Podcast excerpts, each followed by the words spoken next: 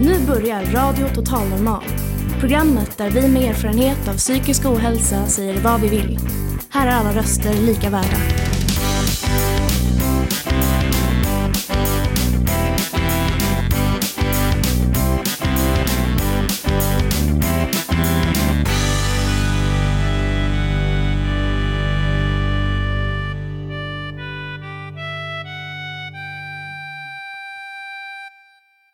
Hej och välkomna till Radio Total Normal, ditt psyke i etern.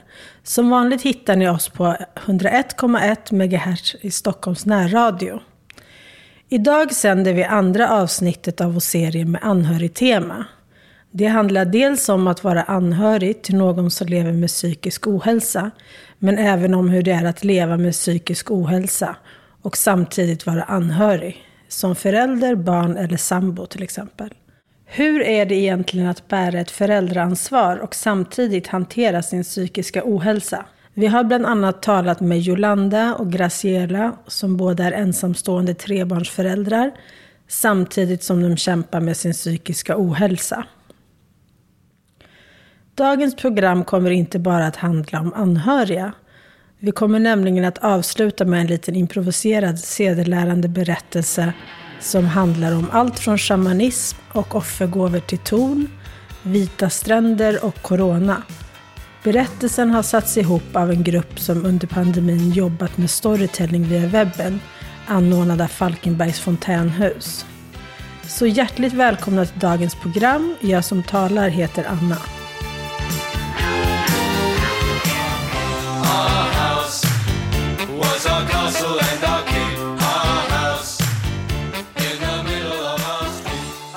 Låten ni hörde var Our House med gruppen Madness.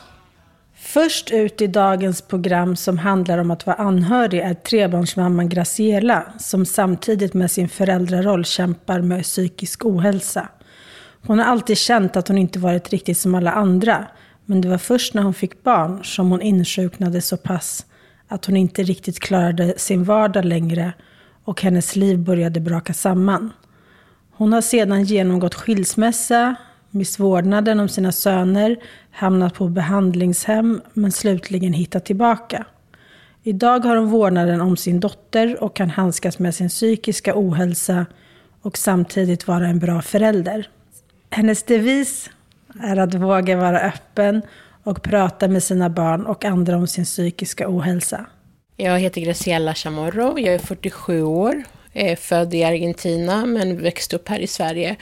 Och eh, ja, i tio år så sa de att jag hade bipolär 2. Men nu så verkar det som att jag har eh, ADHD och lite av bipolär. Jag, alltså, som jag minns så har jag nog alltid varit lite depressiv. Men jag kunde riktigt inte ta på det. Eh, men jag, känner mig, jag har alltid känt mig annorlunda. Att jag kan ha så mycket så energi. Och sen så kunde jag från att vara så här, jättestark och jättemycket energi så kunde jag lika gärna vara lika svag. Och blev så här, från att vara jättesocial så kunde jag bli introvert. Där jag inte ville träffa människor, inte prata, var deprimerad, självmordstankar. Ja, men mådde så här tom, kände mig tom och, och, och ångestfylld. Men jag visste inte om det var för att det var för min uppväxt eller om det var för den destruktiva relationen jag levde i. Men jag fick ju, mer, jag fick ju diagnosen typ 2012. Du är ju mamma också. Jag har tre barn. Jag har en son som är 17 och en son som är 15 och en dotter som är 12. Eh, och jag tror att min psykiska ohälsa blev ännu mer starkare när jag fick barn. För att förr var jag bara tvungen att ta hand om mig själv och leva så, men sen helt plötsligt så ska jag ta hand om någon an tre andra personer. Och det här med rutiner och allt det här, hur det här samhället är byggt. Eh, det, det, blev tufft, jag blev sjuk. Det, jag tror att det är då jag blev som sjukast.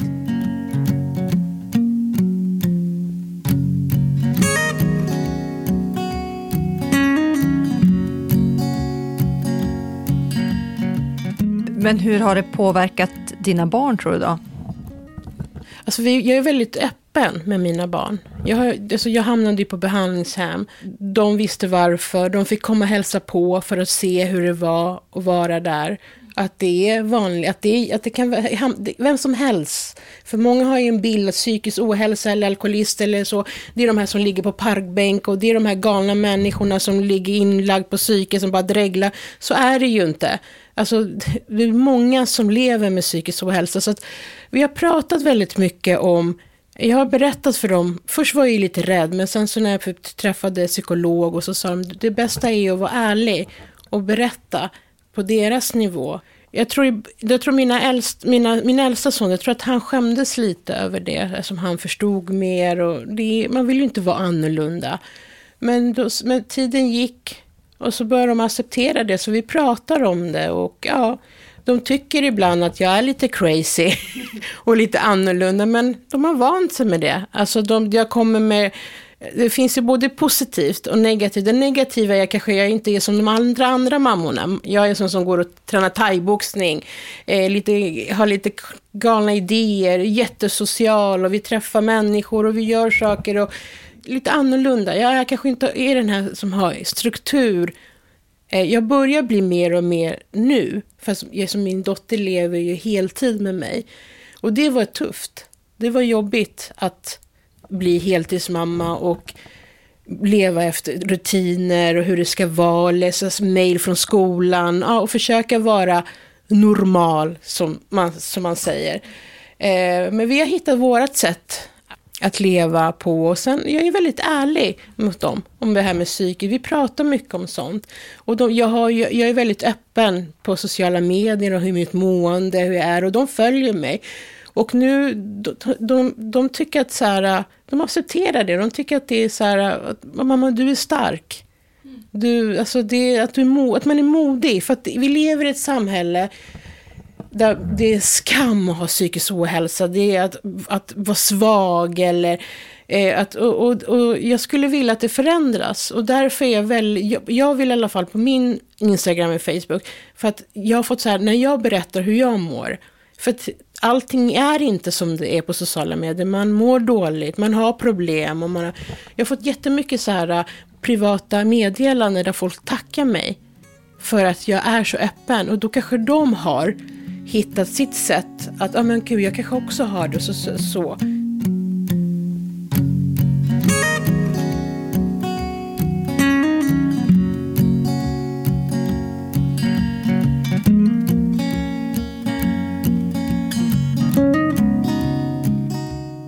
har varit tufft att vara förälder samtidigt som det är, det finns ju båda sidorna. Mm. När jag mår dåligt, då är det ju tufft. För då vill man ju vara själv, man mår dåligt, man mår dåligt att man ska skada sina barn när de ser en deprimerad. Eh, det har jag varit orolig över, att, jag, att mina barn ska ta, eh, alltså, de, alltså mest min dotter då, som bor helt, att hon ska ta över den här depressionen, att hon ska se när jag, fast jag försöker ändå så lite som möjligt visa henne eh, att när jag är nere. Men sen, samtidigt när jag är nere, nere, nere, då kan jag säga mamma mår dåligt, mamma måste sova. Alltså, det är inte ditt fel. Jag är, jag är väldigt öppen med min psykiska ohälsa och jag tror att det hjälper barnen om man är så. För om man gömmer det och inte pratar med dem, det är då de går runt och är oroliga och inte vet varför är mamma eller pappa så här. Varför ändrar... Min dotter kan ju säga till mig, men du är så arg. Så jag känner inte igen dig. Och då kan jag säga, men mamma mår dåligt nu. Sen får ju vi hjälp också. Jag har ju haft kontakt med familjenheten. Där vi har haft folk som har hjälpt mig ibland med Nathalie. Så, hon har, så, så att när jag är så dålig att jag inte kan ta hand om henne. Alltså, och, och det är inte bara min psykisk ohälsa, det är min hälsa. Jag har fått operera mig och så. så det är mycket sådana där saker. Det är både positivt och negativt. Det är det. Men jag tror att man måste vara ärlig. Man måste våga säga till sina barn att om man har en sjukdom eller om man är deprimerad, att, eh, om man är ledsen, om man är arg eh, och beter man sig konstigt, kanske säger något dumt som man inte har tänkt, att säga förlåt och förklara. Och det, vi har hittat vårt sätt, för jag är väldigt, väldigt öppen med mina barn, med familjer, med vänner. Så, alltså, för att jag skäms inte längre. Jag, jag, jag, jag är den jag är. Och jag älskar att vara den jag är. Och jag älskar att vara annorlunda. Så att, eh, och det har tagit många, många, många år. Men eh, Man har dåliga dagar, eh, man har eh, bra dagar. Bara att man, när man har psykisk ohälsa så känner man ju mer. Man har mer känslor åt alla håll. Eh, men sen, man måste bara hitta sitt sätt att hantera sin diagnos, sitt liv, sin föräldraskap. Eh, och jag har hittat det på det sättet att jag är ärlig mot mina barn.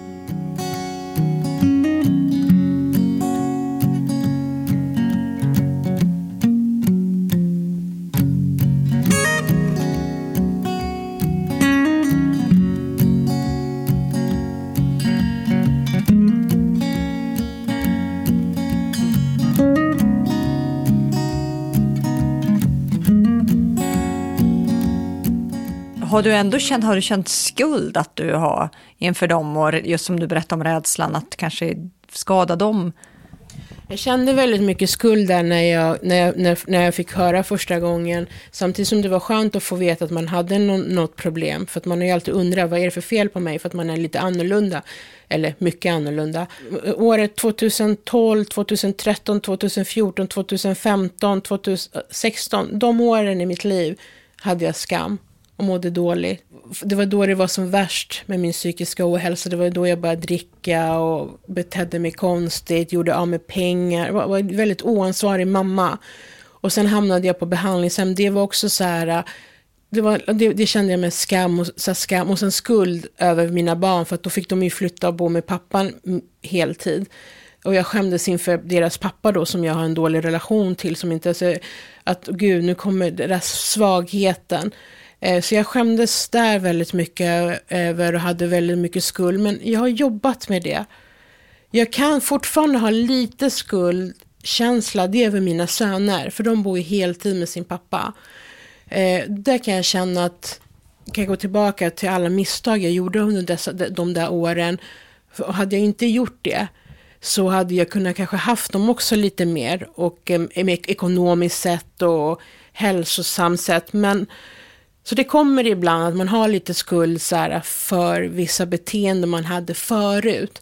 Men jag har jobbat med det och tagit mig ifrån det och tagit ansvar för min dotter och gör det bästa jag kan av situationen och gör det bästa jag kan för mina söner. Så att min, mindre och mindre känner jag nu eh, skuld och skam för dem. Det enda jag känner skam och så kan jag känna ibland att jag har alltid haft svårt att en dag så vill jag bli kock och då gör jag hundra, eller rädda valar, eller då, då kör jag hundra procent att jag vill eh, på det. Och sen så när jag väl har kommit till skott, det är som hela energi ramlar av mig och så blir jag svag, introvert och så jag, jag, jag kommer aldrig till skott med mina saker. Det är det jag kan känna att i min ålder att alla har kanske en yrkesutbildning eller jobbar eller så. Och det är det jag tror att mina barn kan känna lite skam över. Att mamma bara går hemma. Att mamma inte går till, alltså att hon inte, att, de, att hon inte jobbar. För så fort jag säger så här, ja men jag kanske ska göra då blir de så här, ja men gör det mamma. Det är det jag tror att de tycker är jobb. Och det kan jag känna skam över att inte ha en utbildning, att inte ha ett jobb att gå till, att, att man känner sig lite utanför samhället av att vara sjukskriven.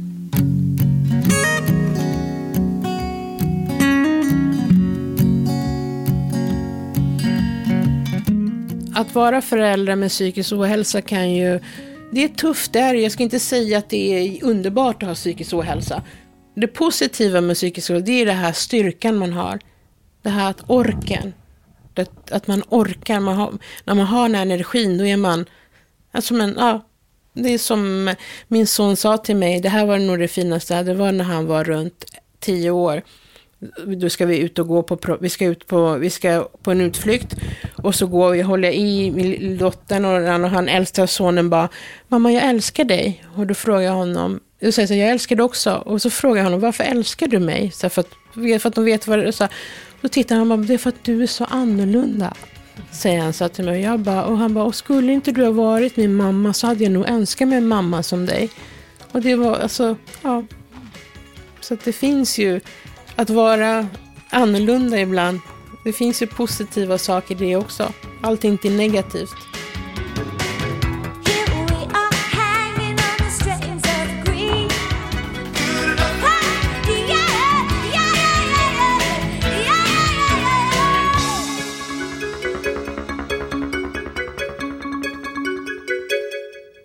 Det där var Cyndi Lauper med låten Good Enough. Innan talade Graciela om hur hon hanterat sin psykiska ohälsa och samtidigt kunna vara en bra förälder. Ni kan hitta henne på Instagram under Graciela Clarissa. Fanny fick sin psykiska ohälsa i 17-årsåldern då hon befann sig i New York. Hör henne berätta hur hennes familj tog det hela. Eh, de tog det ganska bra, de var schyssta mot mig. De skickade mig till en psykolog. Jag bodde i New York då. Så jag, började, jag gick i skola i New York eh, när jag var 17. Och sen, jag vantrivdes i den här skolan. Då fick jag min första depression. Fick jag min första depression och min första ångestattack. Då skickade de mig till en psykolog. Men jag blev frisk sen så jag behövde inte gå så länge. Men då var de, de var stötande. Men de har varit lite sådär om jag ska vara helt ärlig så har de varit så lite att jag ska hålla lite låg profil och inte berätta om det. Så det har varit ganska jobbigt. Men nu, nu är jag ganska öppen med det men det har varit lite jobbigt att de ibland inte velat, velat säga att, att jag ska säga. Liksom. Vad, vad tror du det beror på? Det är väl lite att det är lite skam fortfarande i samhället så liksom, med psykisk ohälsa. Men de har varit väldigt stötande. Jag har fått gå, jag, de har hjälpt mig. Så jag har gått till många psykologer. Så, jag menar, de var schyssta. Liksom. Jag har bott hos dem ibland när jag mått dåligt och så. Så de, de har hjälpt mig liksom.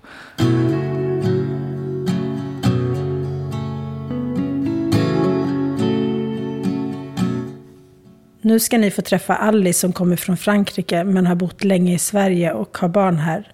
Hon har kämpat med psykisk ohälsa och tycker det har varit jobbigt att ha föräldrarna så långt borta. Och känner av det särskilt nu under coronan. Hej! Hej! Eh, jag har några frågor. Eh, du har ju en psykisk ohälsa. Ja. Du är också inflyttad i, Sverige så några år tillbaks. Precis. Jag är från Frankrike. Du är från Frankrike. Mm. Eh, du berättade lite innan att det kan vara svårt att ha sin familj på, i ett annat land. Ja, precis. Ja. Eh, och eh, det är även eh, svårare med coronavirus eftersom mina föräldrar kan inte komma och besöka mig. Så jag har varit på sjukhus och det har varit ganska tufft. Jag har barn också, så min man var ensam med barn så det, det, var, det var tufft för, för oss. Mm. Eh, får jag fråga om dina föräldrar, har de, de har accepterat att du har en psykisk ohälsa eller var det svårt för dem när de fick reda på det? Ja, det, det har varit svårt men jag tror att nu uh, har de accepterat det. Um, de hjälpte uh, förra året också. Och um, ja, de är ganska uh, orolig, oroliga för mig. mm, ja. Ja, det måste vara jättetufft att vara förälder också när ens älskade barn finns väldigt långt bort och så Exakt. kan man inte ja. hjälpa till på, något, ja, på det sätt man skulle vilja göra. De känner sig um, utan kraft. Ja, mm, ja. Mm. Om de frågar vart jag gick mamma gick jag bara ut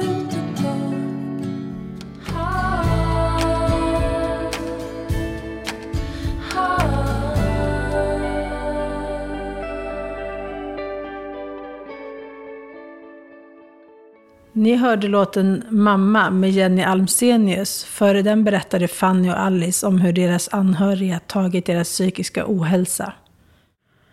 I vårt program som handlade om komplext trauma hörde ni Jolanda berätta hur det är att ha den diagnosen. Idag berättar hon om hur det är att vara ensam förälder till tre barn i ett land långt från familj och andra anhöriga och samtidigt kämpa med sitt tillfrisknande. Hon berättar om kampen och ensamheten, men även om hjälp från oväntat håll som plötsligt ledde henne in på vägen mot gemenskap och tillfrisknande. När vi börjar intervjun talar hon om hur det varit för henne. Ärligt talat, det, det har varit en tuff tufft period i mitt liv. För att eh, det sista man vill är att eh, ens barn ska de var ganska små. Så man vet inte, vill inte att de ska må dåligt eller känna efter att mamma mår inte bra.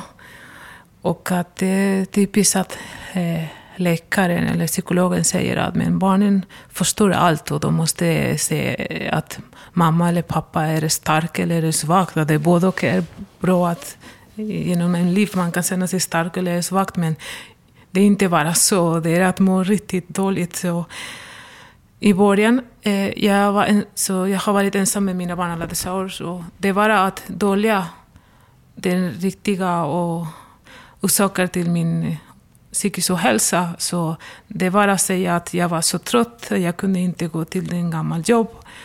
Och att jag kunde inte göra samma aktiviteter som jag gjorde tidigare.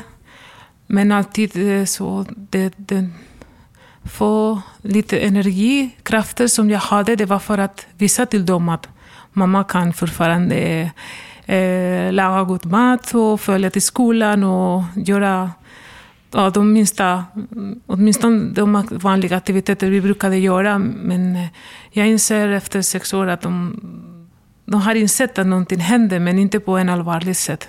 Nu, nu är de tonåringar och eh, jag kunde prata och berätta för ett par år sedan vad som händer. Hur gamla var de när det hände? Nio, åtta och sex år gammal. Så tio, nio, sex år gammal. Och då var du ensamstående ja. mamma och du, har också, du kommer från Spanien, så dina föräldrar och släktingar bor kvar där? Ja, hela familjen, närstående, alla var där. Och eh, det har varit extra jobbigt för att, eh, att gå igenom allt ensam. I mitt fall så jag, jag fick eh, PTSD-komplex-diagnosen. Så man vågar inte prata. Man har känt så mycket skam hela sitt liv och skyldighet. Och att man vågar inte prata om det. Man kan prata med andra, stötta, men inte själv. Så det har tagit lång, lång tid tills jag har vågat säga och be om hjälp. Det är fruktansvärt att må inte bra och eh, behöva dölja den och vara stark när man behöver bara vara och ta det lugnt. Och det gjorde jag inte för att jag ville inte att de skulle känna sig ledsna och, eh, eller ansvariga för att mamma mår inte bra. Så det var den största utmaning, utmaningen där, att inte visa. Hur gjorde du då? En läkare sa en gång du är en typisk happy face. och jag hade aldrig hört den uttryck. Så att, att man visar utifrån så att allt är bra, det är inget problem. Man bär i, i, något, i något, man bär hela sorgen, smärtan och dåligt mående. Så jag gjorde på min största, det yttersta för att inte visa dem. Så jag fokuserar på att kunna vara en bra mamma hemma, men jag kunde inte ta mig någon annanstans än att vara till dem och försöka med de vanliga känslor som en barn förväntar sig från mamma. Så det som jag gjorde bara, jag vet inte krafter var det kommer ifrån, för, för skull, för deras skull, att inte, att inte hamna i båten. Inte visa dem att man är där.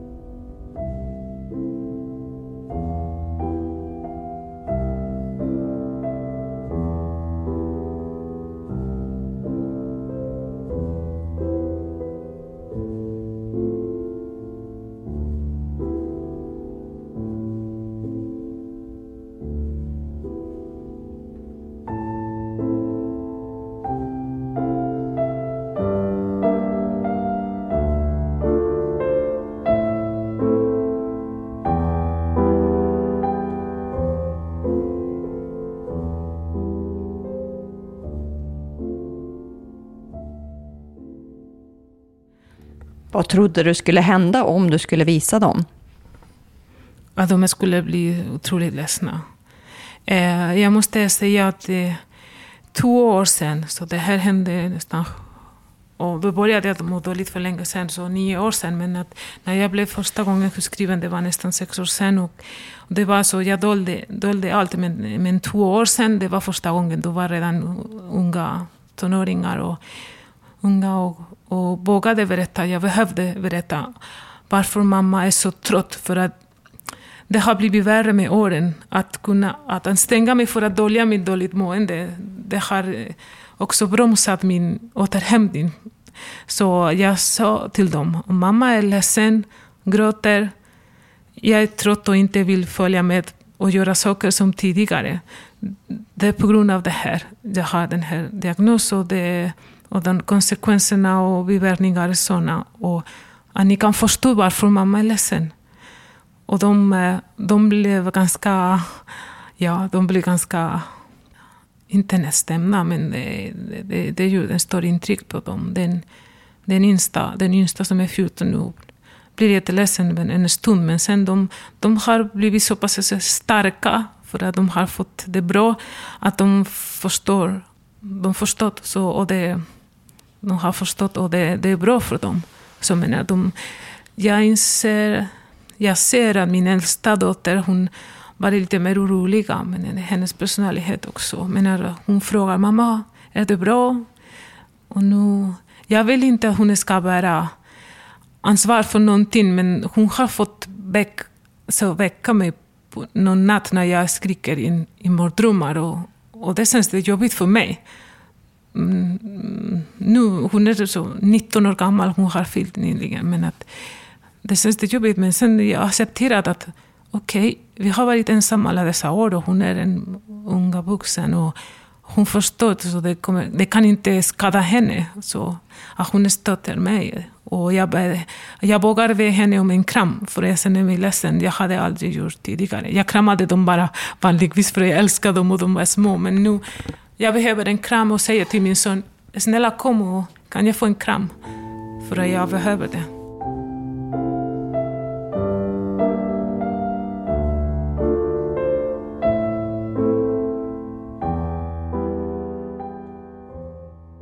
det, jag önskar att jag skulle ha eh, min familj, någon närstående som skulle vara vid min sida för att dela av med mig och min storbörda. Berättade du för din familj i Spanien? Visste de, hur tog de att du hade psykisk ohälsa? Ja, ja det visste jag. Min, min mamma i början hade svårt att acceptera för att hon är en jättestark kvinna och det andra, jag tror också det handlar om en annan generation och hon, du bara måste vara stark och glömma allt. Så jag fick inte så mycket stöd av henne, men de eh, sista åren hon har haft mer förståelse. Jag har förklarat och vi har haft en dialog. Så när vi pratar i telefon, de sista två åren med corona, det är mest telefonsamtal. Så, så det, det är lite lugnare, men först var det jättejobbigt för jag kände mig så ensam. Hon förstod inte vad som händer och jag behövde hennes stöd. Men eh, och en av mina systrar, vi är fem. Och de andra de, de gör mycket sitt liv lite grann. Och en av dem som jag pratar mest, hon, hon förstår inte riktigt vad som händer också. Det är typ från gamla skolan. Du måste vara stark, du måste tro på dig själv och, ah, och allt försvinner.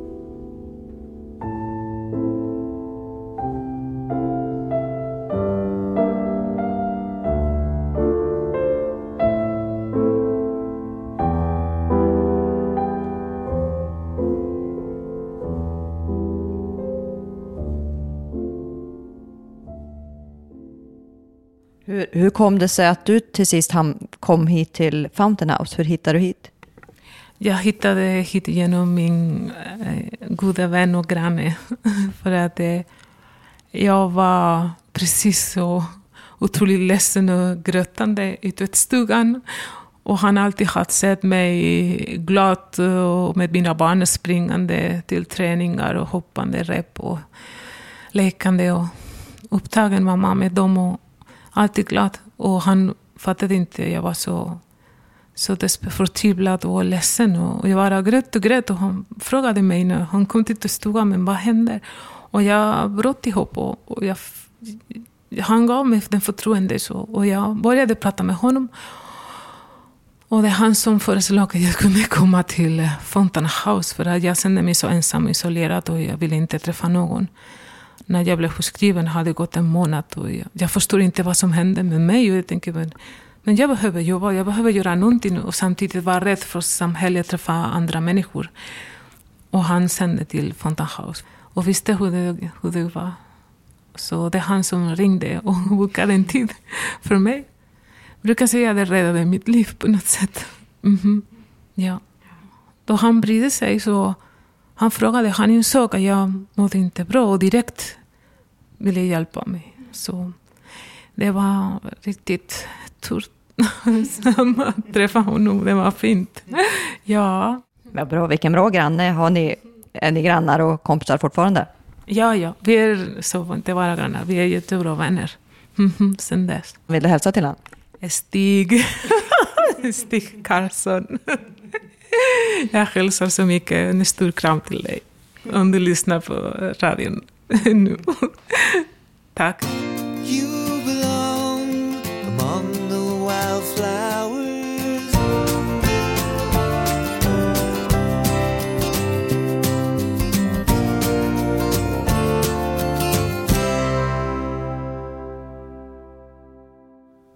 Tom Petty sjöng låten Wildflowers och innan dess hörde ni Jolanda berätta om att vara förälder och ha komplext trauma.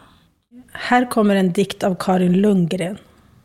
Den här dikten heter Tappade ansikten. Tappade ansikten går inte att operera tillbaka igen. Förtappade själar går inte att implantera igen. Förlorade liv går inte att återinföras eller kompenseras varken med guld eller löften om en människovärdig framtid. Ett förlorat barn kan inte ersättas av någonting. Ett förlorat barn kan inte ersättas av någonting. Ett förlorat människovärde kommer aldrig tillbaka. Den som inte inser dessa sanningar har inget att klaga på. De som är skyldiga till att dessa sanningar blev verkligheten för mig och mitt första och sista barn deras skuldbörda kan aldrig bli lika tung att bära som mitt öde.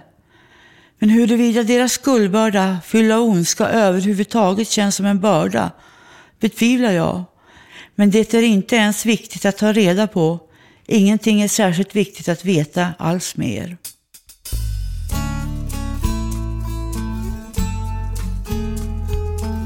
You got a fast car.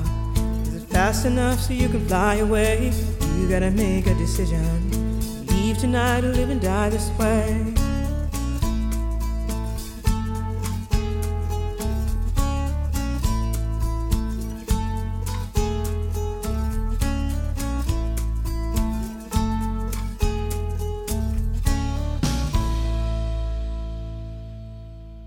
Låten ni just hörde var Fast Car med Tracy Chapman.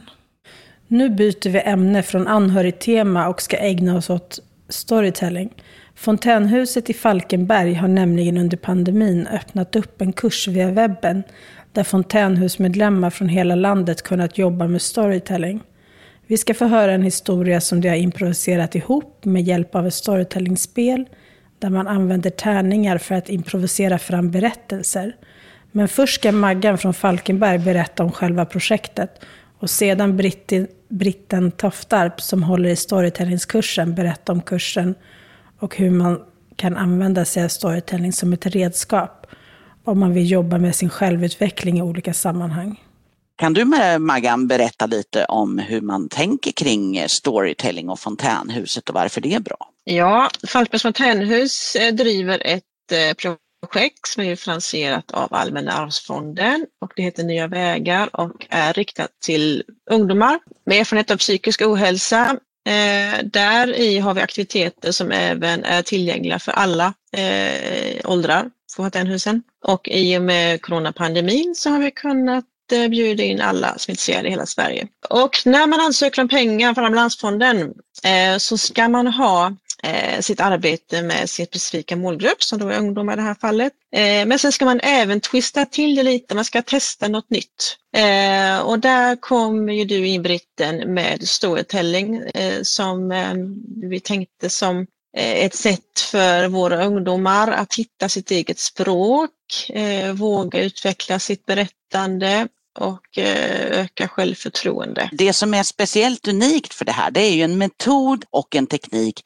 för att lära sig att skapa en historia som engagerar. Och för att en historia ska engagera så måste den innehålla vissa moment. Det måste finnas någon typ av spänningsmoment. Vad händer sen?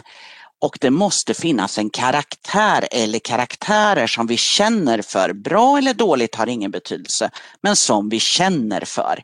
Och när man ska skapa en berättelse om sig själv då för att kunna använda i olika sammanhang eh, som det här projektet har varit tänkt för, så eh, behöver man ju tänka på sig själv lite utifrån och skapa en karaktär av sig själv, kanske i ett CV eller i någon typ av projekt eller sådär. Och det är därför som storytelling är så bra, för det lär oss ju dels att titta utifrån och in på oss själva, men för att kunna berätta bra historier så måste vi också se på andra och relatera till andra människor.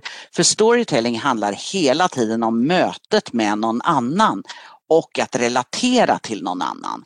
Så att storytelling som metod i det här fallet kan vara oerhört häftigt just för att vi måste vara nyfikna på våran omvärld.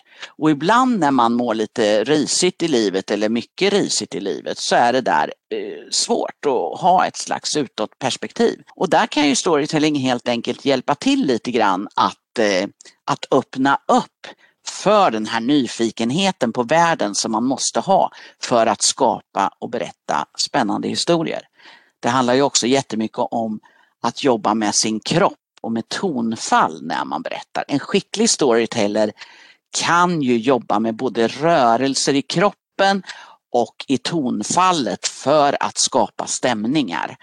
Och det här ingår i storytellingkursen. Vi har ju haft sådana workshops att öva på helt enkelt. Eh, både hur vi använder kroppen på scenen som jag kallar det, men scenen kan ju vara en fest med kompisar eller en anställningsintervju. Men ju bättre man lär sig det här, desto bättre förutsättningar kommer man att ha i tillvaron och skapa det man vill. Alltså se till att det man vill ska hända. För storytelling är egentligen ett sätt att få andra människor intresserade och inspirerade av just det jag vill göra.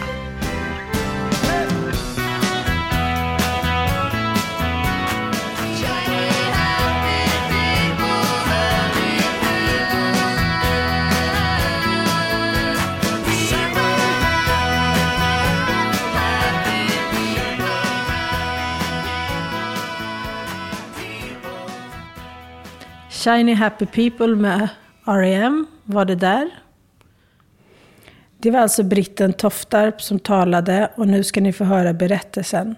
När vi kommer in i den befinner vi oss på en strand med, med ett högt torn i Marocko där man kunde tala med andar. Och storyn sätts samman med hjälp av tärningar där man får ett antal ord att jobba vidare storyn efter. Lilian, Maggan, Britten och Stina medverkar.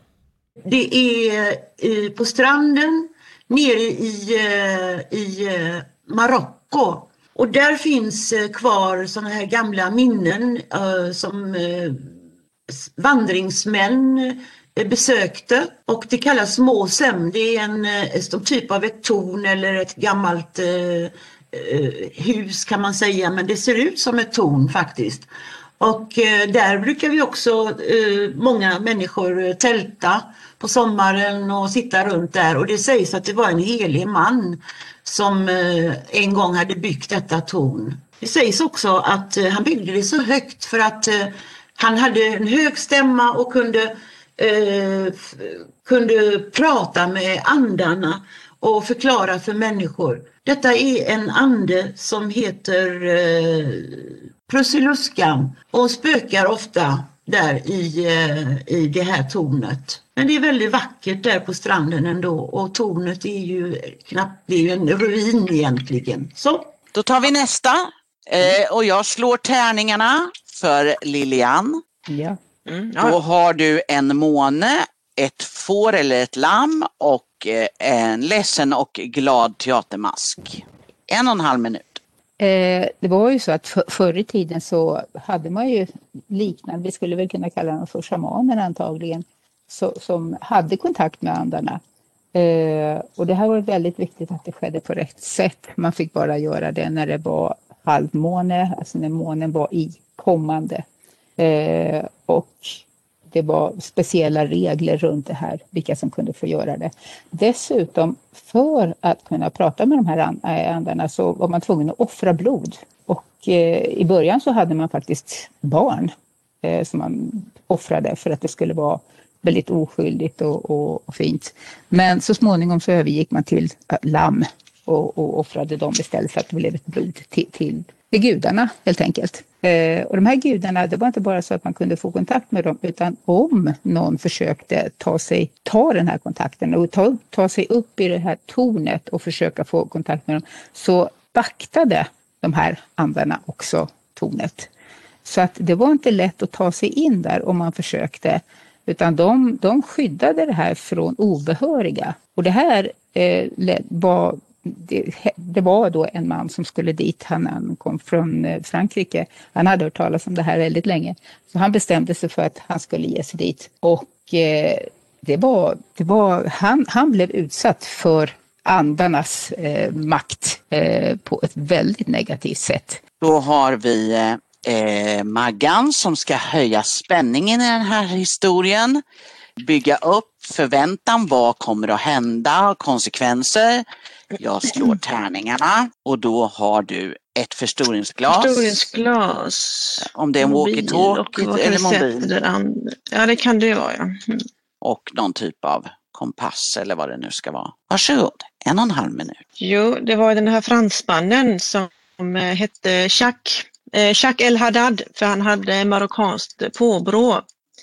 Eh, väldigt intresserade hade läst på om shamanens makt i eh, Nordafrika och speciellt den här ursprungsbefolkningen som bodde i de här tälten, hur de, hur de eh, offrade barnblod och allt det här. Så han ville ju väldigt gärna upp i tornet och eh, se om han kunde åberopa de här gamla lärarna han hade lärt dem Eh, med sig hade han sin kompass eh, för det ska vara ett visst väderstreck, man ska vända sig mot öst. Eh, och det är ju väldigt viktigt. Eh, han försökte ta sig upp och han kom upp i tornet och han eh, hade med sina anteckningar. Eh, han hade skrivit ner dem på sin mobil så han skulle få upp sina anteckningar där. Eh, men så helt plötsligt så kommer det väldiga störningar. Det börjar spraka i mobilen, det börjar vibrera Eh, och det är en väldig tryckluftsvåg som liksom slår ner honom eh, mot marken eh, och ovanför honom så svävar, eh, svävar det är någon slags eh, ande eh, som sätter zooma in på honom med ett förstoringsglas. han är väldigt chockad, förstår ingenting och nu undrar han vad ska hända nu? Han fattar ingenting. Herregud. Tack för den. Blev vi hängande? Precis. Britten, klimax, allt står på spel. Så jag slår tärningarna. Kan någon hålla tiden på mig? Eh, då har jag fått en kulram, en klocka och en nyckel. Han står där i tornet, eh, mobilen bara knastrar och det är atmosfäriska störningar. Eh, och han tänker, herregud, klockan Veckan går ju och snart har andetiden passerat. Jag måste hinna få kontakten medan andarna fortfarande sänder. Jag undrar, jag undrar när nästa gång är. Kommer jag att klara det här? För om jag inte klarar det här och inte får kontakt med andarna, ja då har ju liksom tiden gått förlorad och då kan jag inte lösa den här gåtan som jag måste göra för att kunna bota den här pandemin. Så kontakten med andarna är ju nyckeln till hela gåtan. Snälla, snälla hjälp mig. Vad ska jag göra?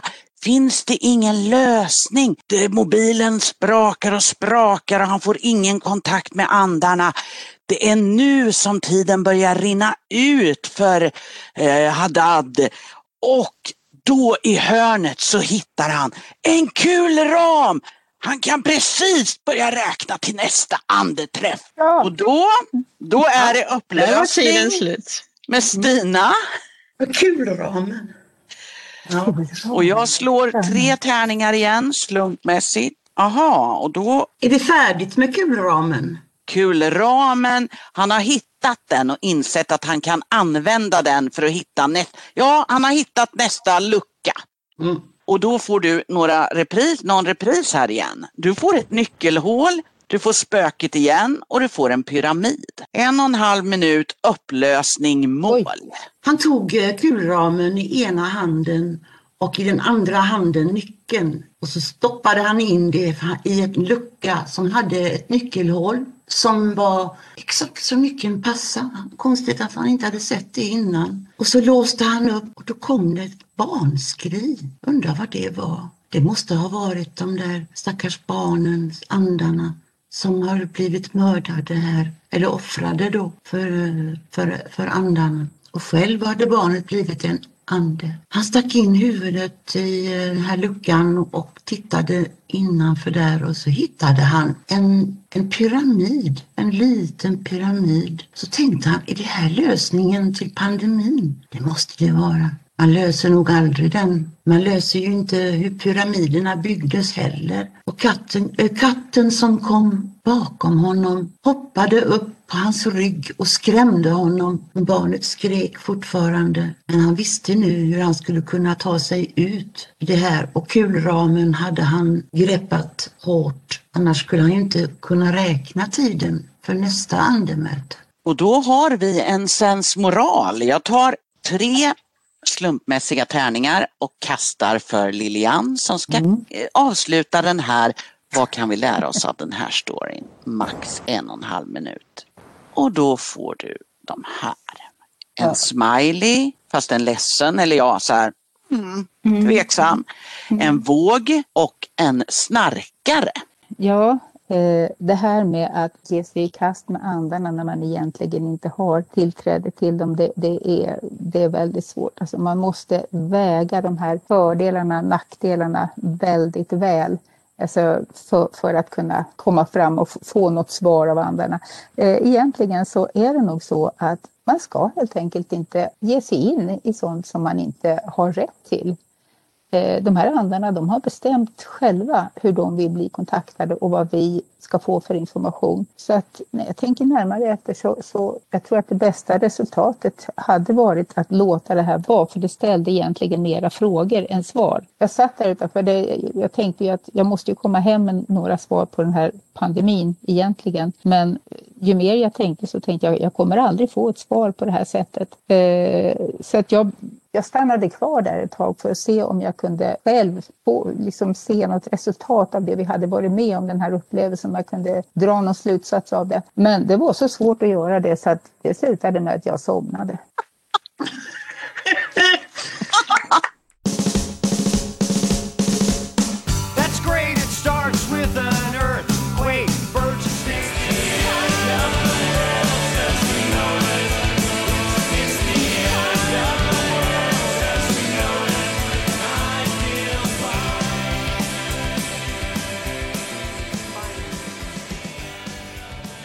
Det var ännu en R.E.M-låt, nämligen It's the end of the world as we know it. Innan låten hörde ni en lärdomsfull historia om att man ibland kanske ska låta saker vara. Medverkade gjorde Lilian, Maggan, Stina och Britten genom storytellingkurs anordnad av Falkenbergs fontänhus. Nu ska ni få höra vad Stina och Lilian tycker att storytellingen har gett dem. Vad säger du Lilian? Vad, vad tycker du att det här storytellingen som vi har hållit på med nu online har gett dig? Ja, det, jag tror att det är framförallt ett, ett sätt att våga, våga vara mig själv, fast jag då hittar på saker och ting. Men, men just det här att våga stå för det jag själv får ur mig, eh, utan att jag behöver ha den här kritiken som, som eh, sitter på axeln och säger men det var dumt sagt, det där var fel sagt. För att det går inte att ha den, då kommer man ingenstans. Utan just det här lekfulla, eh, tillåtande miljön gör att jag vågar stå för vad jag säger och, och lite i grund och botten vem jag är.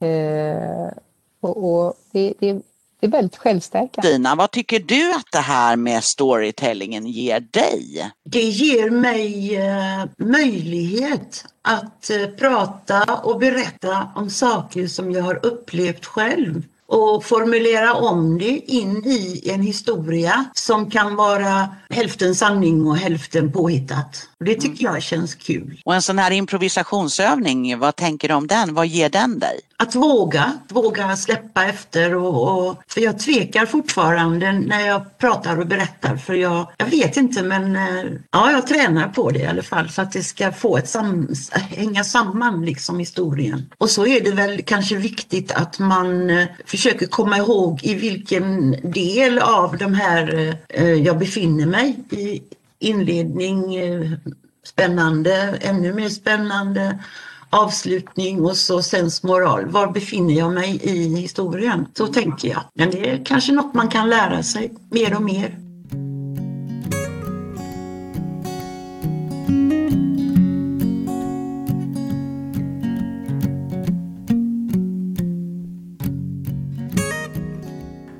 Det här var allt vad vi hade att bjuda på idag. Nästa sändning blir den 10 juni och kommer vara sista programmet innan sommaruppehållet. Missa inte den. Har du något att berätta och vill vara med i programmet kan du höra av dig till malin.radiototalnormal.se Det går att spela in på mobilen och skicka in. Du kan alltid lyssna på oss via hemsidan www.radiototalnormal.se. Där ligger alla våra program samlade. Du kan också hitta oss på Facebook, Twitter, Instagram och där poddar finns. Radio Total Normal drivs av mediehuset Fanzingo med stöd från Fountain House, Socialstyrelsen och ABF. Tekniker Johan Hörnqvist, producent Malin Jakobsson och jag som har pratat idag heter Anna. På återhörande. Som avslutningslåt ger vi er idag LVE, Allt är I am, som vår radiomedlem som just nu går under namnet Imperfection Perfection har gjort själv. Varsågoda.